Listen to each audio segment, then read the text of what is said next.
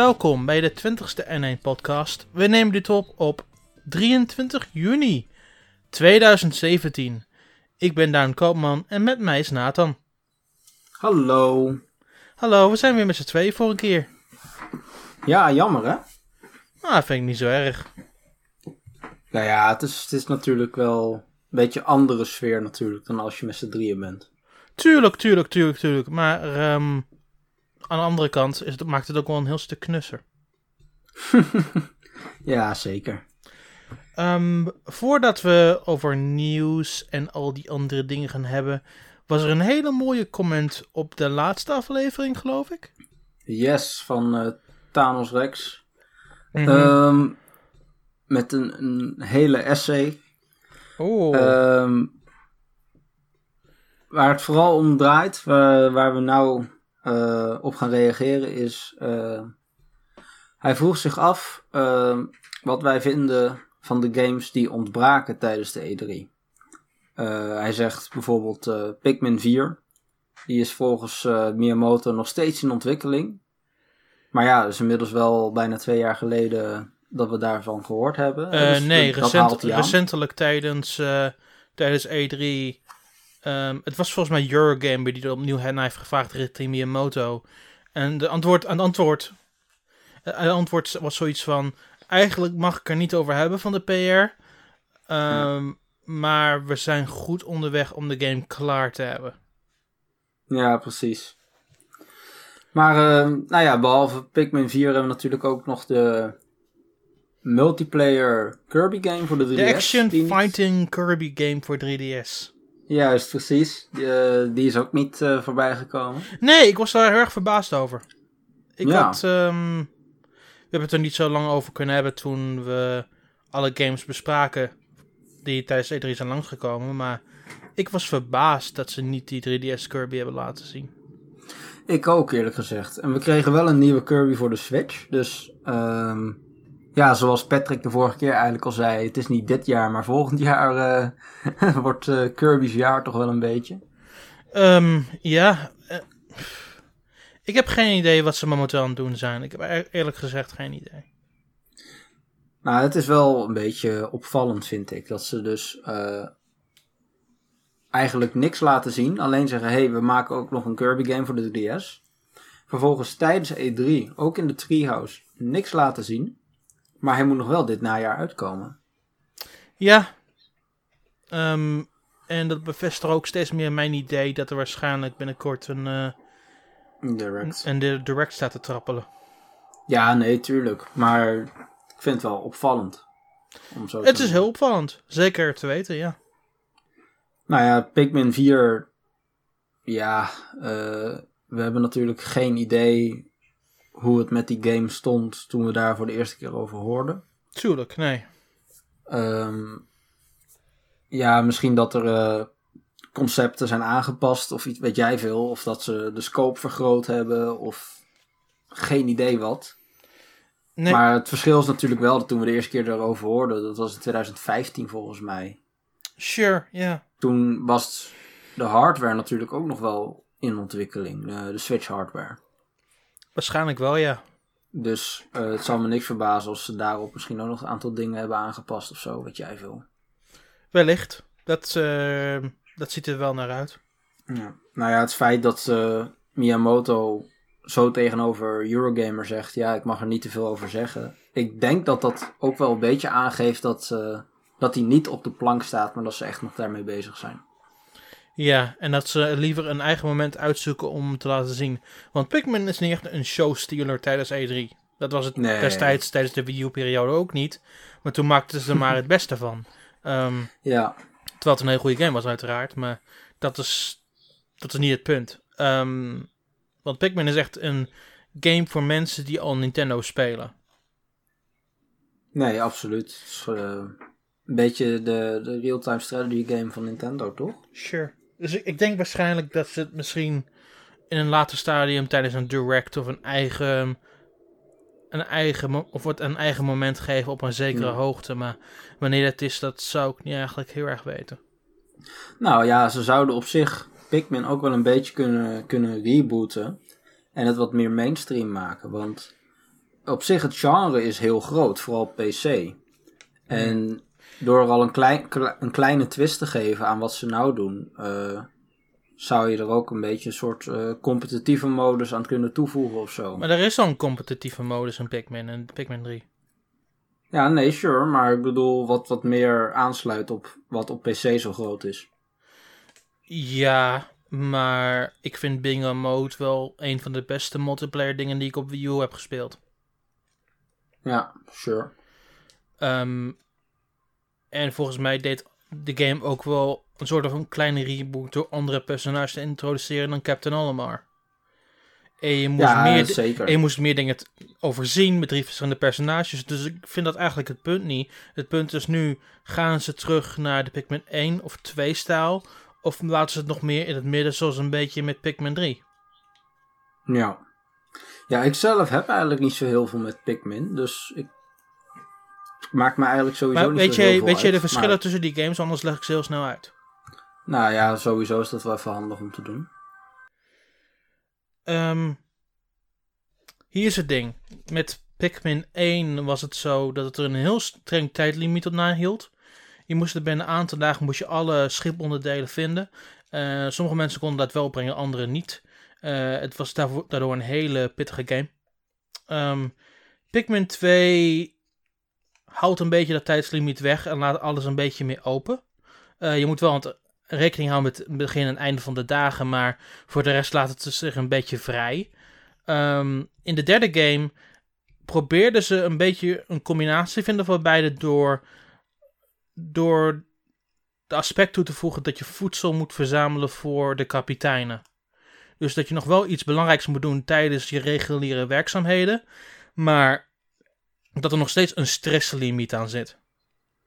Ja, nee, ik heb Pikmin 3 heb ik wel gespeeld. Dat eh, was mijn, eh, mijn gratis game bij Mario Kart 8 Mhm. eh, voor de Wii U. En ja, toen kwam ik achter dat ik dat eigenlijk niet zo super leuk vond. Dus ik heb 1 en 2 uiteindelijk ook nooit gespeeld. Mhm. En het, het is inderdaad wel een beetje een soort time management. Een beetje gestrest Ja, maar elke game doet dat anders. En ik vraag me af of ze aan een van die stijlen terugkeren die in de originele drie games zaten. Ja. Persoonlijk zou ik er niks op tegen hebben dat ze teruggaan naar de Pikmin 1-stijl. Gewoon het een heel strak limiet geven. ja, het wordt Want- wel een stuk moeilijker daardoor. Ja, het daagt ook veel meer uit. Want ik vond dat Pikmin 3 en 2 waren minder uitdagend in dat opzicht. Ik vond nog steeds hele leuke games, begrijp me niet verkeerd. Maar ehm, er was niet echt een definitief begin en einde daardoor. Ja, nee, ik snap wat je bedoelt. Aan de andere kant is het wel zo dat door het wat makkelijker te maken, je wel nieuwe spelers de kans geeft om eh, erin te komen. Sure, ja. Ik vind het moeilijk. Ik vind het heel moeilijk om te zeggen wat ze met Pikmin 4 gaan doen. Ik denk dat er niks anders op zit dan wachten totdat ze het aankondigen. Ja. en wat die Kirby game betreft, daar weten we eigenlijk helemaal niks over. Want Nee. door het genre weten we niet echt specifiek wa- wat we kunnen daarvan voor kunnen verwachten. Ehm, uiteraard Nou ja. heeft Hal, heeft Hal ervaring met het maken van fighting games. Kijk naar Smash Brothers. Maar Nou ja, ik dat, vond- dat- ik moest- Ja, Ik moest eigenlijk een beetje aan eh, die minigame denken van eh, Kirby Triple Deluxe. Hoe heet het? Kirby, Fighter C. Ja, Ehm, als ze, als ze dat uitbreiden, dat, daar moest ik een beetje aan denken. Maar ja, waarschijnlijk ik, gaan ze ik wel hoop, iets anders doen. ik hoop dat het wel iets uitgebreider is dan dat. ja, hoor. precies. Ja, zeker. Ehm, nee, maar dat was het eerste waar ik aan moest denken toen ik die, die titel, zeg maar, las. Ja. We zien het wel. Hopelijk horen we snel wat. Ja. Maar, daar blijft het niet bij. Ehm, het is eigenlijk jammer dat Patrick er nu niet bij is. Maar in ieder geval vroeg hij eh, ook onze mening over de kansen om, eh, dat bepaalde IP's weer terugkomen. En dan hebben we het over bijvoorbeeld F-Zero, eh, Wave Race, noem het op. Zullen we ze gewoon eh Ehm, langs gaan? ik, ik kan heel simpel zijn. De meesten maken geen schijn van kans op F-Zero na. Mm, ben ik het niet mee eens. En, en die, daar kun je het niet mee eens zijn, maar laten we heel eerlijk zijn. Als ze al iets hadden willen doen, dan hadden ze het bij deze al lang gedaan. Ja, zeker. Nou ja, bij eh, Wave Race en eh, Want, die want- snowboard game, dat, want is, met dat Wave snap ik wel. Met Wave Race en snowboarden, de Wii was daar perfect voor. Mhm. En misschien de Wii U wat minder, maar de Wii was daar perfect voor. En de DS was daar ook redelijk perfect voor, ongeacht de lage re- resolutie van dingen. Ehm, Ja. Als ze de kans hadden willen grijpen, hadden ze het bij deze tijd 2017 al lang gedaan. Nou ja, er is wel een eh, prototype geweest voor een, eh, een Wii eh, Wave Race game. Alleen dat was voor NST, hè? Ja. Nintendo of America's interne development team. Nee, die is, Dat niet, is- nee dat, die is niet van Nintendo of America, daar horen ze niet bij. Nee? Nee. Oh, nou dat dacht ik. Nee, ze, ze zijn direct verbonden aan NCL. Nintendo of America heeft er niks mee te maken. Oh, nou oké. In ieder geval eh, was dat toen eh, nogal opruiming. Eh, weten we via Unseen 64. Ja. Ehm, nou ja, ze zouden het op zich nog wel een keer kunnen, kunnen uitbesteden of zo, mocht iemand met een pitch komen. De Switch heeft natuurlijk wel motion controls, dus in die zin is het nog steeds mogelijk. Ik vraag me alleen af of de markt er nog steeds om vraagt, eerlijk gezegd. En dat denk ik niet. Als het Sure. Wave Race hebben Sure, en, maar eh, Het, 1080. het probleem is uiteindelijk dat er is niemand binnen Nintendo die momenteel strijdt voor één van die games. Nee, precies. Misschien is er ergens bij een bedrijf iemand die, die elke keer zijn arm omhoog gooit wanneer iemand het woordje F-Zero roept. Daar geloof ik heilig in. Maar, Dat ik ben, niet, ik maar ik ben niet zo zeilig, hei- heilig overtuigd met die andere franchises die hij noemt. Ja. Ehm, Maar, nou ja, Excite Truck is natuurlijk, ligt wel alweer wat dichter bij eh, andere games die op dit moment ook nog steeds wel een audience hebben. Misschien niet op de Switch, maar Oh, absoluut. Maar ik denk dat. ehm, je, je zag het een beetje aankomen met hoe Excitebots werd gereleased. Want het kwam alleen Ja. maar officieel uit in Noord-Amerika, nooit in Europa. En via Japan alleen maar via Club Nintendo. Nee, daarom. Dus eh, ik verwacht Ik- inderdaad niet dat dat eh terugkomt. Dus ik, ik, weet je wat, waar ik bang voor ben, is dat Nintendo niet heilig gelooft in de dingen die ze soms verkopen. En dat tot nu toe geloven ze daar heilig in met Switch. En dat vind ik best wel redelijk van ze. Ehm, maar ik denk niet dat iemand binnen dat bedrijf overtuigd is van het, van het kunnen behalen van een of andere succes met een Wave Race of wat heb je. Nee, Ehm, precies. Maar eh, er zijn natuurlijk wel meer IP's dan eh, die Thanos Rex noemt in zijn post. Ik bedoel, F-Zero, dat- daar weten we allemaal wel van dat daar een audience voor is, dat mensen dat willen. Ik denk dat dat puur kwam door de DLC-tracks die in Mario Kart 8 en Mario Kart 8 Deluxe zaten. Ja, maar ook wel in Nintendo Land heb je natuurlijk nog die, eh, die minigame. En je hoort er altijd wel een beetje... Er wordt altijd wel over F-Zero gepraat. Op, een op een, ja, op een bepaalde hoogte absoluut, ja. Maar je hebt natuurlijk ook nog eh, bijvoorbeeld Mario Strikers, om maar een voorbeeld te noemen. Mario Strikers was buiten Nintendo omgemaakt. En ik heb het idee als Next Level het niet wil maken, dat het niet gebeurt. Hmm, dat is jammer. Want Eh, op zich, ik, ja. ik vond het wel gewoon twee leuke games. Een beetje jammer dat ze daar dan niks mee doen eigenlijk. Ja, maar ze zijn ook een klein beetje gestopt met het actief produceren van, van sportsgames op een home console. Misschien wordt het anders met Switch nu. Ehm, maar met de, de, maar met de decline van Camelot en eh, eh, het tamelijk teleurstellende werk van Namco Bandai Studio met Mario Sports Superstars. Ik vraag me af of ze überhaupt nog wat daar nog mee willen doen. Nou, ik vind, ik vind het ook wel jammer. En dat laat de opties, Bij- en dat laat de opties heel erg, dat laat de opties heel erg, like heel, heel erg weinig over. Ja. Maar ik vind bijvoorbeeld dat ehm, bij Mario Sport Superstars proberen ze echt een soort simulerende eh, game te maken. Dus 11 tegen 11 voetbal, eh, geen gekkigheid. Maar dat, da- daar gaat het zelfs fout. Want zo goed is die game ook weer niet. Nee, maar dan denk ik van, maar dan heb je ook niet de visie, zeg maar. Bij Mario Strikers is het juist heel anders. Ze proberen juist weer een soort van ja, over de top gekkigheid, weet je wel. Een beetje wat Mario Kart ook doet met het kartgenre bijvoorbeeld. Dat zijn, dat zijn de games die, eh, die we willen. En ja, dat hoeft niet per se. Ik bedoel, het maakt mij niet uit wie dat maakt. Eh, het gaat meer om, hey, verwachten we nog dat zo'n game komt?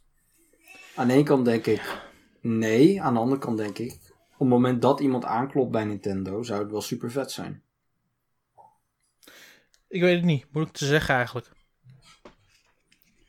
Uh, dan hebben we natuurlijk op de 3DS nog uh, Pilot Wings, een nieuwe game van gezien. Verwachten we daar nog iets van? Nee. Star Fox?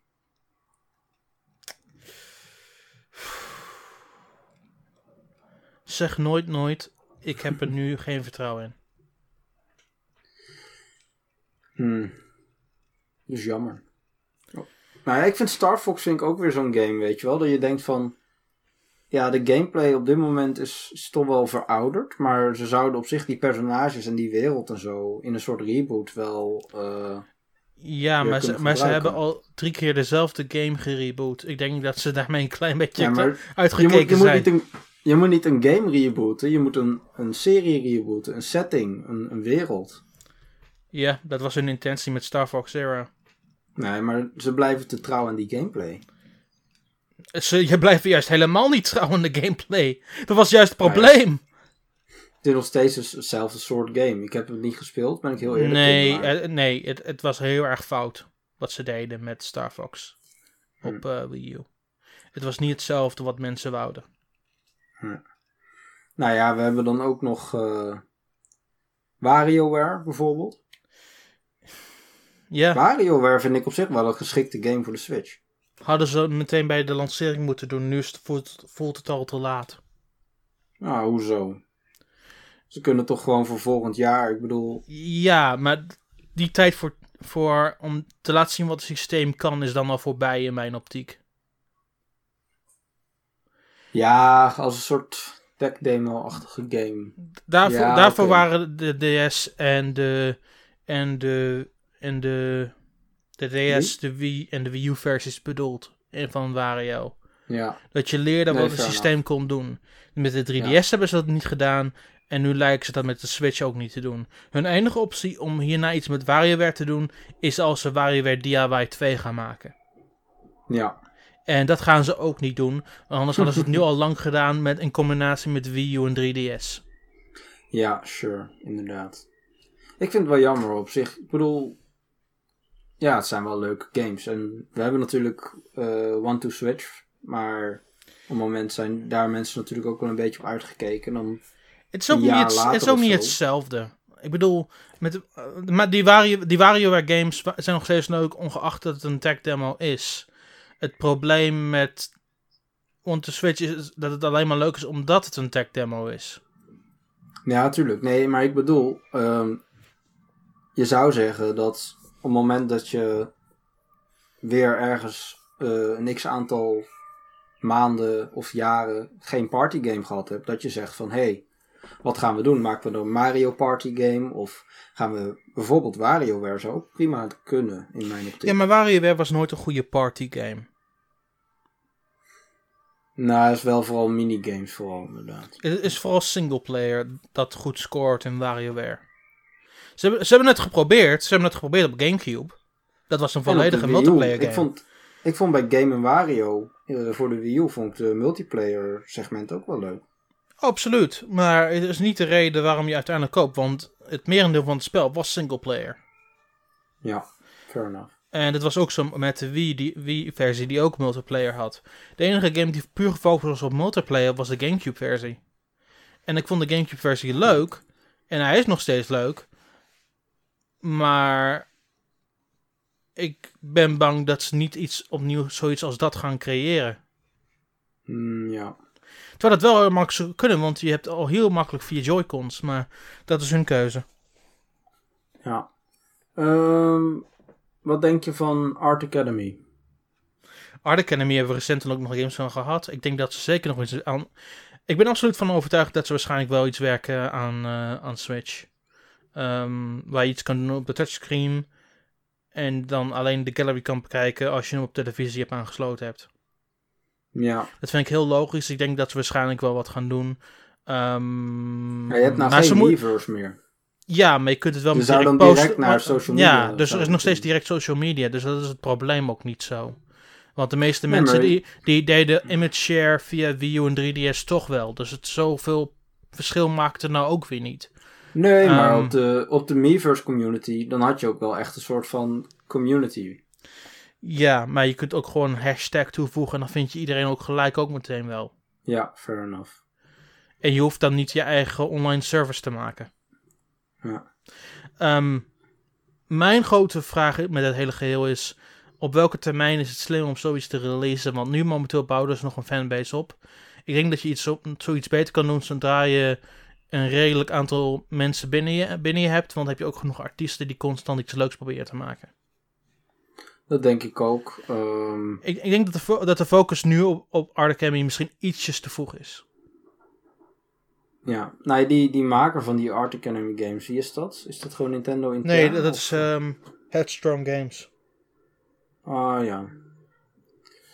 Ehm, ja, hoe lang doen die er normaal over om één zo'n game te maken? Ik bedoel... Nou, je moet ook wel realiseren. Je, je kunt er wel we kunnen wel een beetje laconiek over zijn, maar die lessen ontwikkelen en alles wat er omheen zit, kost ook nog wel aardig wat tijd Ja. natuurlijk. Nou, ik zit nou Ehm. te kijken, ze hebben elk jaar wel een nieuwe game.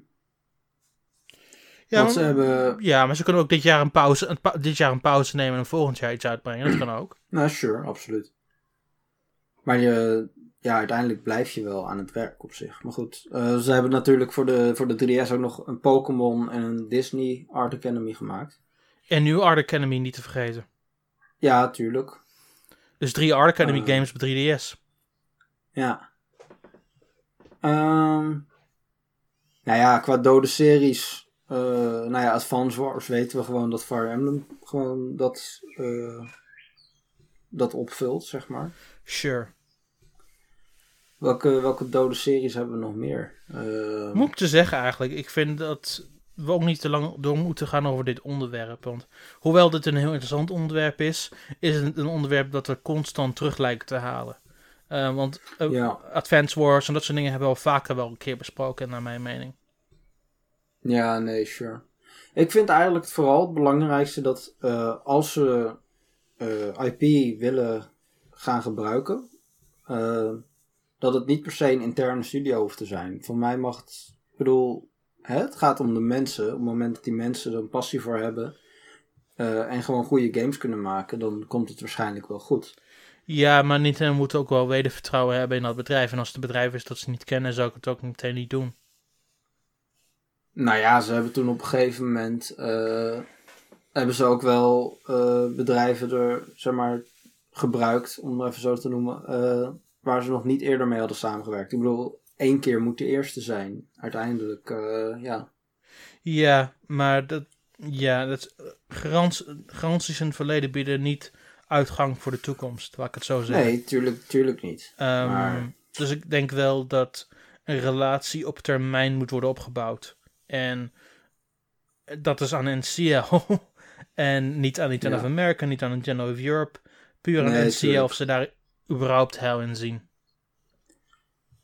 Tuurlijk. Nee ja, maar ik bedoel, neem bijvoorbeeld Mario plus Rabbids. Dat wordt gemaakt door eh, Ubisoft. En dan wel twee studio's die eh, niet altijd even geweldig eh, games afgeleverd hebben. Tuurlijk, maar, maar, je kunt, maar, maar, maar, maar mijn wederantwoord is...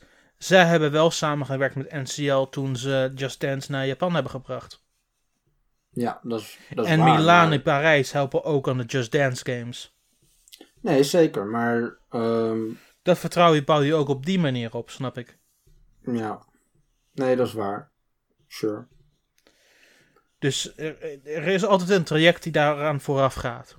Een, een nieuwe deal moet eerst opgevolgd worden door een, door een passief begin. En Ja. een nieuw passief En- begin is altijd de moeilijkste stap in dat hele Ja. proces. En eh, als je Mercury's team neemt met eh Samus Metroid Returns, dan is dat dus eigenlijk dat passieve begin wat jij nu noemt, is dan dus waarschijnlijk eh, Castlevania voor de 3DS of zo. Ja. Want, want Nintendo of Europe heeft die game gedistribueerd in Europa. Ja, maar blijkbaar heeft het dus ook wel een goede indruk achtergelaten. Want anders doen ze Ja, niet. absoluut. Ja, zeker. Oké, Oh ja. nou ja. Andere keer misschien meer, maar eh, ik denk dat het voor nu wel goed is. Zeker. Dan gaan we even wat nieuws doen. Ehm, het eerste is dat in een interview met Ars Technica, eh, de Senior Director of Corporate Communications bij Nintendo of America, Charlie Shibeda, heeft gepraat over ehm voorraadproblemen met Nintendo Switch. En ik, ik quote hem even in het hier in het Engels.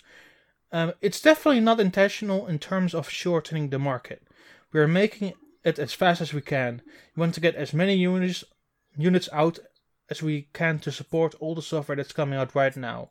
Our job really is to get it out as quick as we can, especially for this holiday season, because we want to have enough units on shelves to support Super Mario Odyssey. We anticipated there that there was going to be demand for it, but the demand has even been higher than we thought. We, we had a good quantity for launch. We sold 2.7 million worldwide in the first month. Said we're gonna have 10 million more by the end of the physical year. Unfortunately, we're in a situation now where, as quick as it's going into retail stores, it's being snapped up. It's a good problem to have, but we're working hard on trying to meet demand. Ja. Ehm, ze zeggen eigenlijk hier dat ze, dat ze het niet per se doen. Ehm, wat sommige mensen denken, ik weet nog niet precies waarom ze dat denken. nou Ehm, ja, op zich met de Amiibo hadden ze hetzelfde probleem. Met de NES Mini hebben ze hetzelfde probleem, et cetera, et cetera. Alleen het voegt niks toe voor Nintendo. Schaarste creëren, dat boeit niet, want het is een, eh, een product wat ze op lange termijn proberen te verkopen. Klopt. Dus dat helpt niet. Maar met, met NES Classic Edition. Het, het pro- het probleem daar was dat ze bepaalde onderdelen hadden gebruikt die moeilijk te vinden waren. Dus dat was ook Ja. uiteindelijk hun schuld, Ja. vind ik. Ehm, Ja. Zij hadden ook niet per se. Waarschijnlijk in gedachten hoe goed de Switch zou verkopen. En, maar nu hebben ze precies hetzelfde probleem. Als in dat ze bepaalde onderdelen zijn volgens mij eh, worden ook gebruikt eh, in producten van andere leveranciers die met precies hetzelfde probleem zitten. Klopt, ja. App- Apple schijnen ze volgens mij zelfs mee te concurreren. Dus ehm, ja, op het moment dat iedereen hetzelfde stuff wil, dan eh, ja, zit, er zit een limiet aan. Ja, er is ook gewoon tijd nodig om een product goed te maken. Want ehm, ongeacht dat er een paar problemen waren met switches wereldwijd, is het, was het overgrote gedeelte was, zat gewoon solide in elkaar. Ehm, en dat vergt tijd van, van Nintendo om dat goed te kunnen produceren. Ehm, en een doos stoppen met alle materialen erbij voor de specifieke regio. Zorgen dat alle software goed erop werkt. Dat is een testproces tot aan de winkel. Ehm, Ja. En ze willen, zij zijn niet een bedrijf dat gaat rushen puur om meer te kunnen verkopen. Zij zijn geen Xbox. Ehm, maar het is, ehm, ja, het is een goed probleem om te hebben, zoals hij zelf zegt.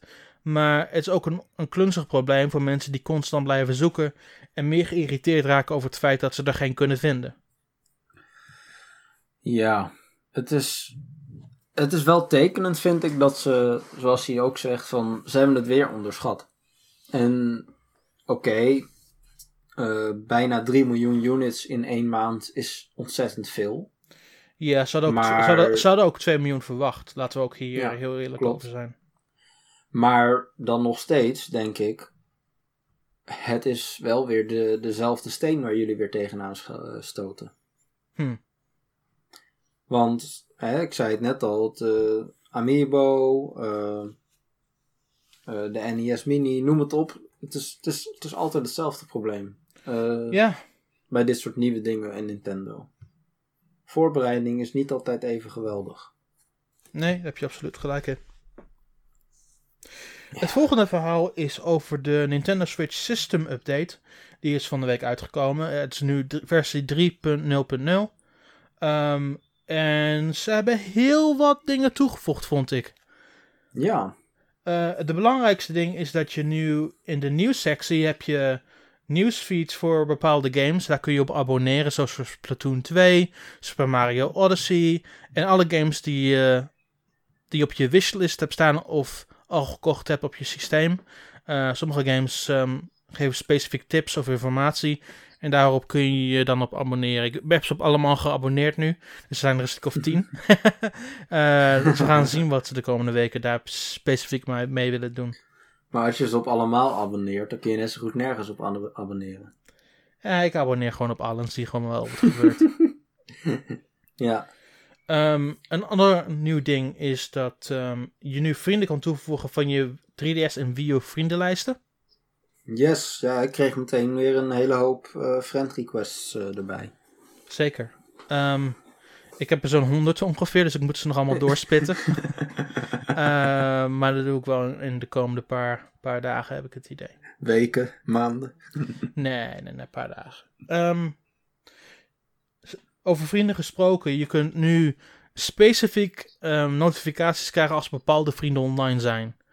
Um, je, kunt ervoor kiezen, je kunt ervoor kiezen om alle vrienden online te hebben staan, of alleen maar bepaalde vrienden van je beste vriendenlijstje. Oh ja. Zodat je weet als ze online zijn dat je direct een game met hen kan spelen. Ja. Heb jij beste vrienden op je Switch, uh, uh, ja, een aantal. Uh, de meeste van de één redactie, de meeste van Nintendo World Report redactie, Kevin, hm. een paar mensen van Nintendo Force en een aantal vrienden van YouTube. Nice. Ik heb het niet echt gebruikt. eigenlijk helemaal niet. Van die, want die, van die mensen wil ik wel uiteraard weten of ze online zijn. Misschien een game aan het spelen zijn online. Ja, zeker. Maar ja, ik, ik weet het niet. Het is op zich wel handig, maar... Voor, voor mij wel, uh, maar echt, uh, ik, ik kan me voorstellen dat iemand daar bloed geïrriteerd van wordt. ja, zeker. Um, ligt er een beetje aan hoe je vriendenlijst eruit ziet natuurlijk. Ja. Um, je kunt um, controllers die al verbonden zijn aan het systeem, of, of, op een gegeven moment verbonden aan het systeem wa uh, waren, kun je terugvinden door, um, door hun Itchy Rumble Vibration feature te gebruiken. Dus dan druk je op een knop op je touchscreen en dan kun je het, uh, dan kun je het opvinden via die weg. Dat is handig ja. als je kinderen in huis hebt en makkelijk de Joy-Cons verliest. Ja, dit vind ik eigenlijk nog wel een van de meest nuttige features die in die hele update zitten. Er zitten er meer handig in, maar zeker inderdaad met kinderen. Ik vind dit wel eigenlijk een van de beste toevoegingen van deze update. Zeker. Uh, je kunt nu ook um, de, de volgorde van de, de iconen kun je nu veranderen. Dus als je liever een van je drie accounts liever vooraan hebt staan voor Europa, Japan en Amerika, kun je daarvoor kiezen. En ze op dezelfde, op de eigen manier indelen zoals je dat het liefste hebt. Um, ja. Gepraat over iconen. Er zijn ook zes uh, plaatjes toegevoegd van Splatoon 2. Yes. Mijn enige vraag is waarom zitten er nog steeds geen Kirby plaatjes in? Ik vind het sowieso ook wel een beetje jammer dat. Uh, maar ja, dan ga ik weer zeiken over, uh, over dingen waar we het over gehad hebben. Uh, avatars, en, dus deze icoontjes en home menu themes. Waar blijven ze? We willen er meer van. En we willen ook. Ik wil ook bijvoorbeeld gewoon. dat bijvoorbeeld Konami een, een Bomberman icoontje kan toevoegen of zo. Weet je wel? Gewoon een willekeurige third party. Hmm. Het, Okay. Ik hoop dat ze dat gaan doen ja. in de, in de um, toekomst. Change the system volume. Je kunt het volume van het systeem veranderen via de quick settings, via de home menu knop. Ja. Um, je kunt nu ook um, het maximale volume van de koptelefoons aanpassen, of speakers, via de audio jack. Yep. dus je kunt er nu een limiet afhalen, daardoor is het ietsje sterker. Mm -hmm. um, je kunt nu de kleuren veranderen naar invert of grayscale voor mensen die bijvoorbeeld kleurenblind zijn of wat heb je. Dus dat wel handig voor, voor dat soort mensen uiteraard. Um, voor de rest is het niet zo handig, maar voor, voor de mensen die daar problemen hebben is het bijzonder nuttig. ja. Je kunt nu op elk moment nu, want dit was alleen maar gelimiteerd aan bepaalde opties, nu kun je op elk moment een USB keyboard aan je dock toevoegen. En elk moment gewoon typen op dat keyboard zodra, zodra je dat tevoren te zien krijgt. Um, het is niet echt handig. Ik bedoel, als ik iets wil typen, doe ik het wel via de touchscreen. Maar het is goed om te hebben voor de mensen die het per se willen. Misschien later voor Dragon Quest 10 als dat Ja. uit is in Japan en zo. Ja, precies. Voor MMO's. Mhm. Ehm, je kunt nu de Switch Pro controller via een USB-kabel standaard connecten via het systeem. Eh, daardoor krijg je minder, minder ehm, input lag. Ehm, wel een kleine aandacht voor het feit dat de NFC touchpoint wordt gedisabled als je dit doet. Dus je kunt dan geen Ja. Amiibo gebruiken. Nee, maar ik denk persoonlijk dat je het ook niet tegelijkertijd nodig hebt. Nee, maar het is wel goed om even te vermelden. Zeker. Nee, omdat op het moment dat je bijvoorbeeld... Stel Smash komt ooit naar de Switch of een andere fighting game. Daar is eh, input lag natuurlijk een, eh, een eh, vervelend ding. Mhm. Maar je bent niet tijdens het vechten je amiibo aan het scannen. Dus in die zin kan dat wel. Ja. Ehm, je kunt, er is ook nu een optie, optie om controllers te updaten. Dus Ja. het, het lijkt erop dat de controllers zelf op een, op, bepaalde termijn ook updates krijgen. Ja. Ehm, een fe- een, een, ander- nog een feature die ze hebben toegevoegd is dat je als je bepaalde software moet, moet verwijderen wegens gebrek aan ruimte, eh, dat je dat niet meer automatisch doet, dat je dan zelf handmatig kan uitzoeken welke software je uit het systeem wil verwijderen. Want de huidige setup voor deze update was zo dat als je dicht bij nul zat, dat het systeem auto- automatisch je minst gespeelde software ging verwijderen. En als je dat liever niet hebt, dan kun je dat nu uitzetten. Ja. Ehm, en dan het laatste ding wat ze geüpdate hebben is dat ehm, de rare HDMI-input als je bepaalde, bepaalde televisies gebruikt, dat, dat hebben ze nu ook ge- gefixt zodat dat niet meer voorkomt. Ja, en dan ben je nog één dingetje vergeten. En dat is dat eh, in je, op je account, zeg maar, je profiel, eh, als je dan games gespeeld hebt, dan staat er hè, gespeeld voor minstens 5 uur of 10 of weet jij veel.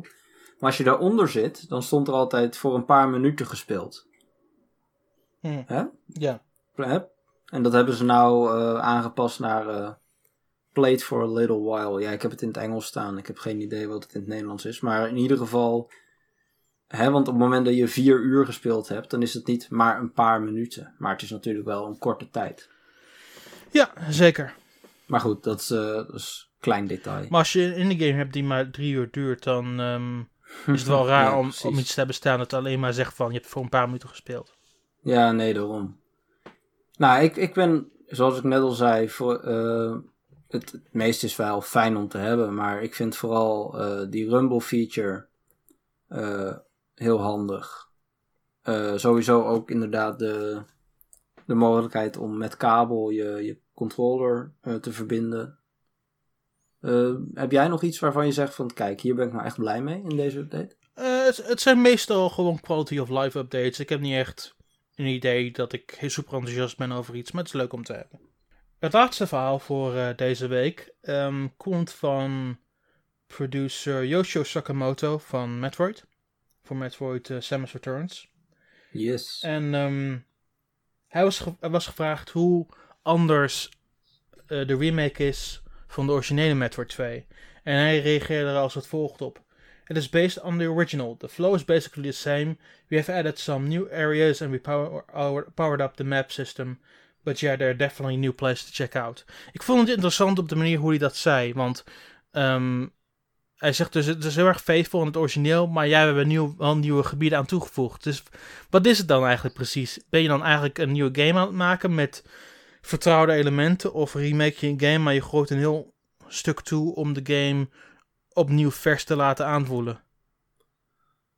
Nou, ik ben vooral heel benieuwd. ehm, gaan ze er nog iets met het verhaal mee doen of zo? Want dat zou betekenen dat je dingen aan het verhaal moet toevoegen. Ja, en het verhaal in Eh. Metroid 2 is sowieso wel aardig boeiend, want het, het, het, het, het brengt de setup richting Super Metroid. Dus Ja, daarom. En dan is de vraag: ehm, doe je dat tussendoor? Maak je er een soort van zijtakken van? Eh, plak je het er gewoon achteraan? Of plak je het er juist voor? Dat is eigenlijk nog waar ik mij, eh, hè, wat mij meer interesseert dan dat de, dat de wereld iets groter wordt. Want dat is alleen maar leuk. Zeker, maar ja. het heeft ook impact op de lore natuurlijk, op het eh, achtergrondverhaal. Ja, absoluut.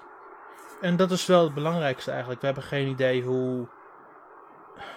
We hebben geen idee hoe dit allemaal tot stand komt. Ehm vooral met Mercury's team, die daar, die daar nu mee bezig is. Ehm, Ja, Maar ik sta wel open voor een uitgebreidere game met misschien iets meer verhaallijn. En een paar uur aan extra gameplay. tuurlijk, tuurlijk. Maar de vraag is natuurlijk eh, hoe ze dat gaan doen. Zeg maar, Ja. eh, waar, waar het verhaal toe komt. Hè, is het meer een soort van achtergronddingen of komen ze echt met nieuwe evenementen, zeg maar? Ik denk als Sakamoto in het team zit, dat ze waarschijnlijk wel nieuwe elementen gaan toevoegen. Of ze goed zijn, dat zullen we nog even moeten afwachten. Ja. Ehm, op een side note, ze hebben ook een, eh, deze week een plaatje laten zien van de volledige Europese speciale editie voor Samus Returns. Ja. En hij ziet er vet uit hoor. Hij is super vet. De Europese Ik- Legacy ik- Edition is zo goed. Oh mijn hemel. Het is ook wel een beetje genaaid richting Japanse en Amerikaanse spelers, als ik heel eerlijk ben hoor. valt Want- niet te ontkennen, valt niet te ontkennen. Want op zich, die, toen eh, de Amerikaanse Special Edition eh, onthuld werd, toen dacht ik, nou weet je, eh, als hij naar Europa komt, heb ik wel zin in. Mhm. En dan vervolgens komt Nintendo of Europe, maar ja, wij brengen dit uit. En ja, alle haat die, die daarop volgt, het is, ja, het is gewoon sneu eigenlijk. Het is tegelijkertijd prachtig, maar ook heel erg sneu. Het is echt ontzettend sneu. Ik vind vooral die Steelbook case vind ik echt fantastisch. Het is gewoon een gigantische Game Boy cartridge. Yep, sommige mensen vinden hem kei lelijk. Ik vind het fantastisch. ik vind het super mooi. Ja, zonder meer. Maar ik het, ik vind het wel typerend, want het is sowieso iets waar eh, Nintendo of Europe en Nintendo of America heel erg in verschillen qua policy. Ja, Ik, het valt mij gewoon telkens weer op eh, met, met limited editions, et cetera. Eh, Nintendo of Europe doet het anders dan eh, Nintendo of America. En toch kom ik telkens weer uit bij, ja, Nintendo of Europe, those are the real MVP's gewoon. Ook met Project Zero bijvoorbeeld. wel een fysieke editie gewoon in Europa, niet in Amerika. maar ook Eh, met de drie, eh, recente 3DS-games, zoals met Picross 3D Round 2 ja, ook en dat, met ehm, Rhythm Paradise Megamix. ja, Wij klopt. kregen daar gewoon edities voor, terwijl Amerika het moest doen met een eh, digitale versie. Ja, en ook met eh, limited editions in het algemeen. Af en toe wijken ze af en dan zie je dat ze in Europa net iets meer toevoegen. Het enige verschil wat we in het laatste jaar hebben gezien is waarschijnlijk met Breath of the Wild. Ik vond de Amerikaanse speciale editie beter dan de Europese. Ja, maar dat is wel een uitzondering op de regel, eh, vind ik. Nee, je hebt je gelijk in, absoluut. Maar ik vind het wel even netjes om zo, zodanig genoemd te hebben. Nee, zeker. Maar ik heb op eh, internet in ieder geval al genoeg mensen gezien die de Europese Legacy Edition willen gaan importeren. Ook al kunnen ze de game zelf niet spelen. Dus eh, als je hem wil hebben, zorg ervoor dat je wel op tijd bent met pre-orderen. Want ik denk dat er echt een record aantal imports eh, gaan komen op deze. ja, maar er zijn ook genoeg winkels die alleen maar verzenden richting andere Europese landen. Dus ehm, Ja, nee, tuurlijk. Maar je kan ook nog. eh, er zijn natuurlijk ook nog scalpers die dan gewoon zeggen: hé, hey, ik eh, regel via via dat het alsnog dat ik ze naar Amerika verstuur of weet jij veel. Dus ik ga in ieder geval, eh, zodra ik er één tegenkom, meteen bam pre-orderen. Want eh, bij twijfel ben je te laat, ben ik bang. Cool. Ik ga er ook eentje voor een Amerikaanse vriend pre-orderen, dus dan heb Ja. ik twee gepreorderd. Nou, hier, dat bedoel ik. Ja. Er, zijn wel, er zijn wel meer mensen zoals jij, dus eh, Sure. de vraag is hoog. Inderdaad. Ehm, dat is het wel voor nieuws voor deze week. Ehm, nou heb ik, iets meer dan een week geleden, heb ik de nieuwe 2DS XL binnengekregen. En Yes. we hebben het al kort besproken toen we het allebei hebben gespeeld bij Ja, Nintendo, een nieuwe gein. Ja. Ja. Ehm, maar nu heb ik hem volledig in mijn handen.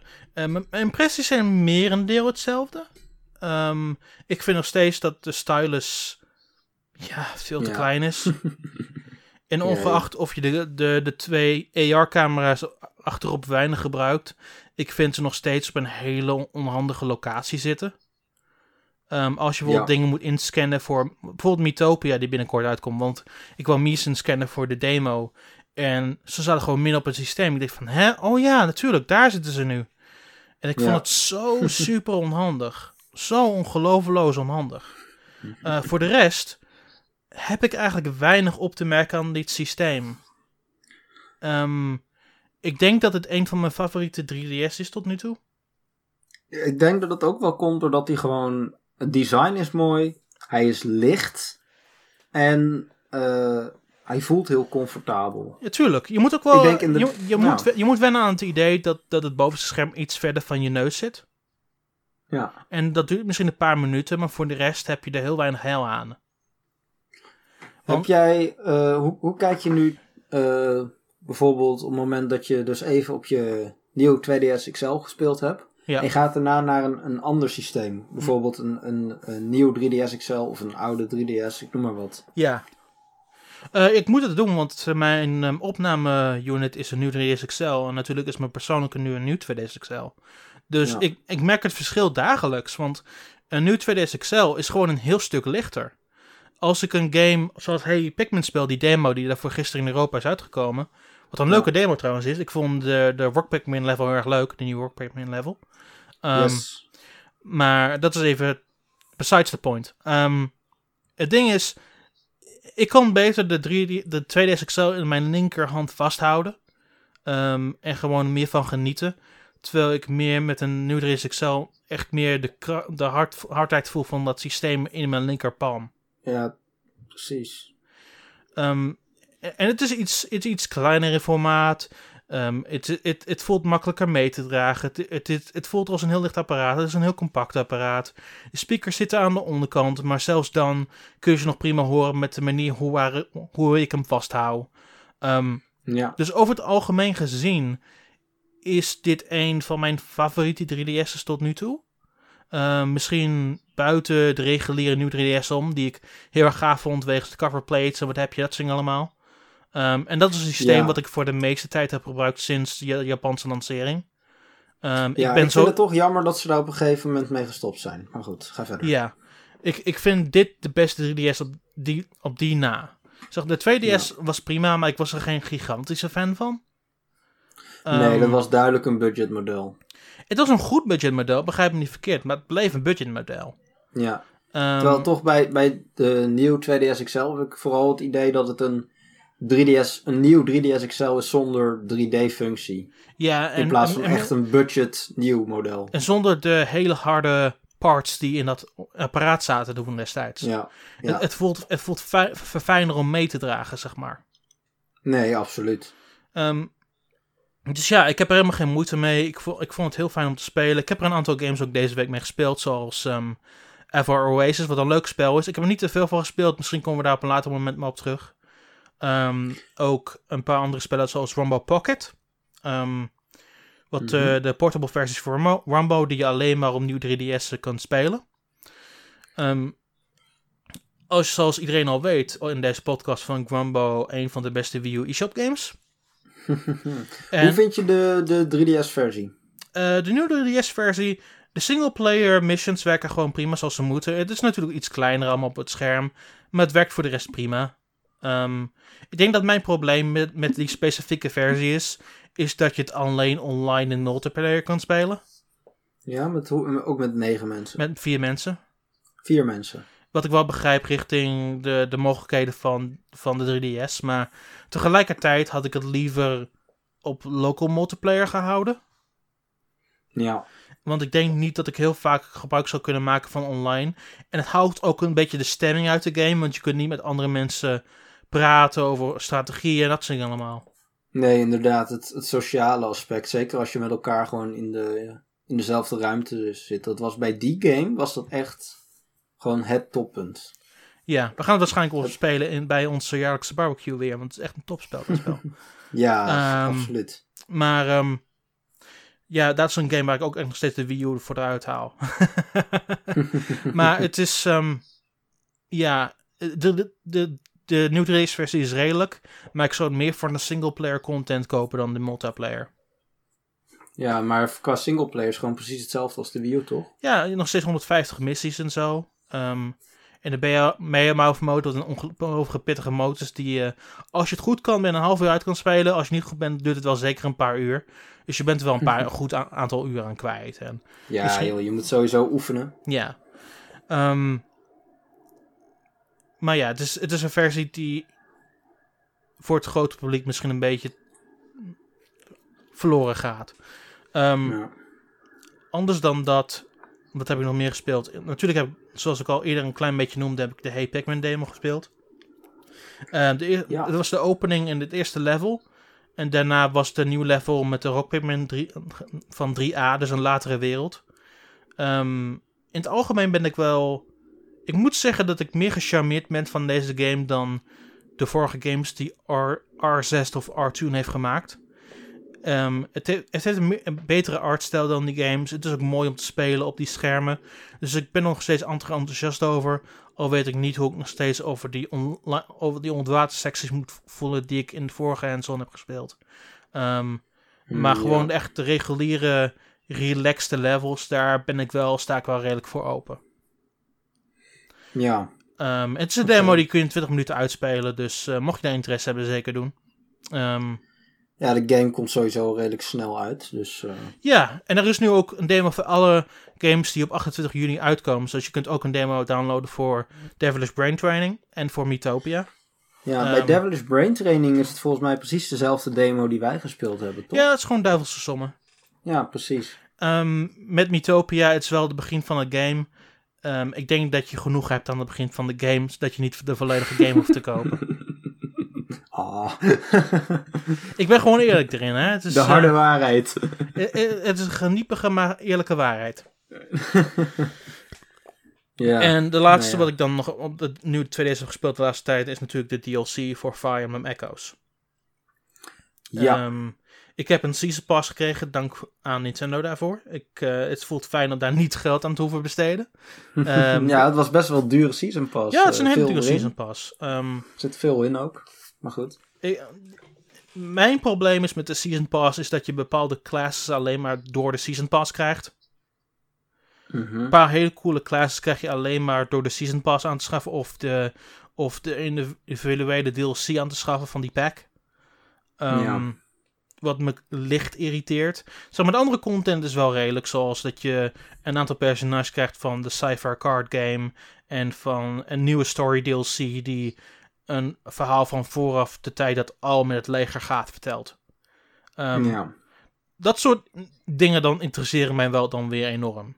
Um, maar het is, um, ja, het is ik vind het moeilijk te bepalen of ik het nog steeds de geld waard vind. Het is heel wat geld voor minimale content gemixt met hele uitgebreide content. Um, uiteindelijk krijg je wel je, je waarde voor je geld, maar misschien is het slimmer om alleen daar de story DLC aan te schaffen en misschien de Cypher DLC als je per se wil, want de rest heb je niet per definitie nodig. Maar dat gezegd hebben, dan besteed je alsnog 30 euro. Dus misschien voor 45 euro heb je meteen dan gelijk al alles. Dus ik vind het heel moeilijk om te zeggen wat de betere optie is hier. Mm, ja. Nou ja, ik moet sowieso eerst de game nog uitspelen. Dus uh, voor mij voorlopig ben ik er sowieso nog niet aan toe. ja. Maar uh, ja, joh. Maar uh, de, de, wat vind je, de story DLC die eraan toegevoegd is, dat zat niet in de originele game, toch? Nee, die zat niet in de originele game, nee. Die zijn, die zijn nieuw, echt. Je ontmoet ook nieuwe personages. Um, ja. Units die je nog nooit eerder tegen bent komen. Units waarvan je nooit dacht dat je ze eigenlijk zou besturen. Want ze gaan overlopen in het begin van het daadwerkelijke verhaal richting de vijand. Ja. Uh, wat, wat deze DLC nog een stuk interessanter maakt, naar mijn mening. um, dus er is genoeg om te zien en te doen. En um, dat is op zich wel nog wel de moeite waard. Jij hebt natuurlijk ook de originele Super Famicom, is het? Super Famicom nee, game, Famicom game. Famicom game. Oh, gewoon een Famicom. Ja, nou ja, oké. Okay. Um, hoe kijk je nu terug op uh, het algemene plaatje wat je tot nu toe gespeeld hebt? Uh, van Echoes. Ik, ik, heb een recensie voor gedaan. Ik vond de originele game fantastisch.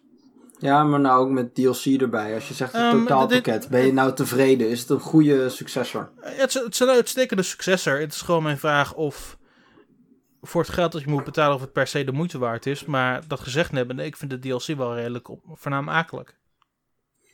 Nou, mooi. Goed. Top.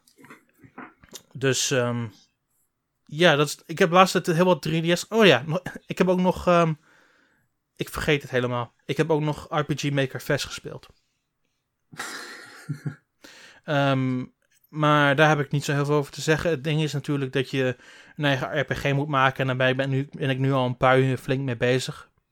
Ehm, Ja.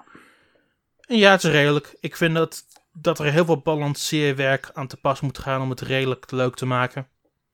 Ik weet niet of dat een eh, fantastisch ding is, maar... Ja, je bedoelt balanceren van stats of zo. Monsters van stats van monsters en van je eigen personages en dat dingen allemaal. Ehm, Ja. ik, ik vind dat het minst leuke aspect van die hele game. En daar gaat Ja, belachelijk veel tijd voor zitten om het überhaupt leuk, een leuk ding te maken. Ja. En Wat ik- vind je van de, van de user interface? oh, die vind ik fantastisch. Begrijp me niet verkeerd. Alles Is het, is het makkelijk? Eh, Het is niet gemakkelijk. Het is, het is aardig wat menus. Maar als je daar je door hebt wat je moet doen, ehm, maak je al heel snel duidelijke combinaties. Dan kom je er een, een rap tempo doorheen. Ehm, in het algemeen is het gewoon zo dat ik, ik maak nu voor de grap een RPG. Ehm, er is een, ehm, een jongen op YouTube en Twitter die heet Bauer Gamer. Ik weet, weet niet of jij hem kent. Eh, nee, een paar keer gezien, maar ik volg hem niet. Ehm, hij heeft een, een grap al vier jaar over een Pokémon X en Y review, die hij nog steeds niet heeft gereleased. Mhm. Dus ik maak nu een RPG over dat hij een Pokémon X en Y review moet vinden. en, en ik heb twee grote. Ik, mijn wereldkaart is gewoon eigenlijk één grote dungeon. En dan heb ik twee, een paar mini-dungeons waar je de items moet oppikken, twee of drie. En de rest is gewoon een paar, paar plaatsen waar je dan waar je meteen een dialoog krijgt en misschien een paar personages in de overwereld. Dus ik maak het niet zo moeilijk. Ehm, ik Nee. heb er goed zes uur aan besteed, besteed en dat vind ik wel prima voor, voor een grap. Ehm, Mhm, ja, tuurlijk. Ehm, maar het, met, het meeste tijd opnieuw gaat gewoon uit aan balancering. Dus daarom heb ik het nog niet geüpload, zeg maar. Ja, Want mensen die de grap niet begrijpen, moeten wel nog steeds een redelijke ding kunnen spelen, naar mijn, naar mijn optiek. Ehm, Ja, Maar in de twee dungeons verzamel je dan een laptop en een SD-kaart met de X en Y review. mhm. En dat breng je dan terug naar het begin en dan win je. Dus- nice. Dus, en dat kun je allemaal op je eigen programmeren en dat is heel erg leuk en dat zit geinig in elkaar. Ehm, het is alleen voor de mensen die puur het leuk vinden om zoiets in elkaar te knutselen. En dan kan iedereen, ongeacht of je de game koopt of niet, het downloaden via de RPG Maker Player. Ja, nee, absoluut. Want dat is sowieso, eh, op het moment dat je eh, inderdaad dit soort grapjes doet en zo, is dat natuurlijk de ideale oplossing. Zeker, ja. Gewoon gratis downloaden. Want iedereen kan wat. gewoon spelen, dus het zo'n groot probleem is het ook weer niet. Nee, daarom. Dus nee, dat is alles wat ik gespeeld heb momenteel op 3DS. Ik heb niet zoveel op Switch gespeeld afgelopen week. Ehm, buiten een paar rondes van Mario Kart om. Eh, Ik heb het de afgelopen week heel erg druk gehad met niet en één dingen, helaas. Ja, Dus ik heb ook niet zoveel gespeeld. Maar ja, maar goed. ehm, mijn week was voornamelijk gevuld met 3DS-spellen. Wat dus ook wel een keer leuk is voor de verandering. ja, ja nou, eh, volgende maand, eh, rond deze tijd, dan eh, zitten we alleen maar aan de Switch-spellen. Dus, eh, Nou, dan zitten we aan één Switch-spel en drie 3DS-games. nou ja, Splatoon 2, maar ook Fate Extella bijvoorbeeld. Voor beide platforms komt wel wat uit. Zeker. Maar dat is volgende En voor- maand. En we zijn nog niet bij die volgende maand. Nog niet, in ieder geval. Nee, absoluut Ehm, niet. Voor nu gaan we zeggen, bedankt voor het luisteren allemaal. Je kunt Nathan volgen op. Nathan van Ginkel op Twitter.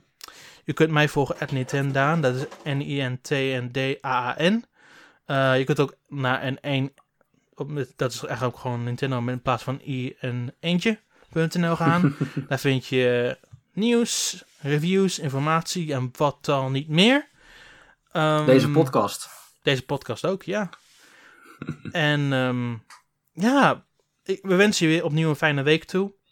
Eh, we weten nog niet wat we volgende week gaan doen. Waarschijnlijk gaan we een tijd besteden aan dat, eh, dat ik bij de, bij de hands-on sessies ben geweest van Nintendo. De Post E3. De Poster 3 is een aantocht, ja, volgende week. Ja, Ik zag al dingen voorbij ko- komen van de sessies in Parijs en Frankfurt. Eh, maar wij, Nice. maar Nederland heeft de sessie dan volgende week. Ehm, Ja, dan speel ik Mario Odyssey en een aantal andere dingen die daar zijn. dus ja, ehm, Mink, Mark, Bas gingen volgens mij ook. Oké. Dus eh, ja, we zijn wel vertegenwoordigd. Ja, ik zelf kan helaas niet, Mhm. want tentamens. Maar goed, het is niet anders. Ja, Wat maar, volgende maar, week? maar je hoort volgende week wel wat ik van alles vond. Dus we gaan er uitgebreid over spreken. Misschien nog wat nieuws als er nog interessant nieuws is. Maar voor de rest, hey, heb een fijne week. En eh, tot de volgende keer allemaal. Later. Later.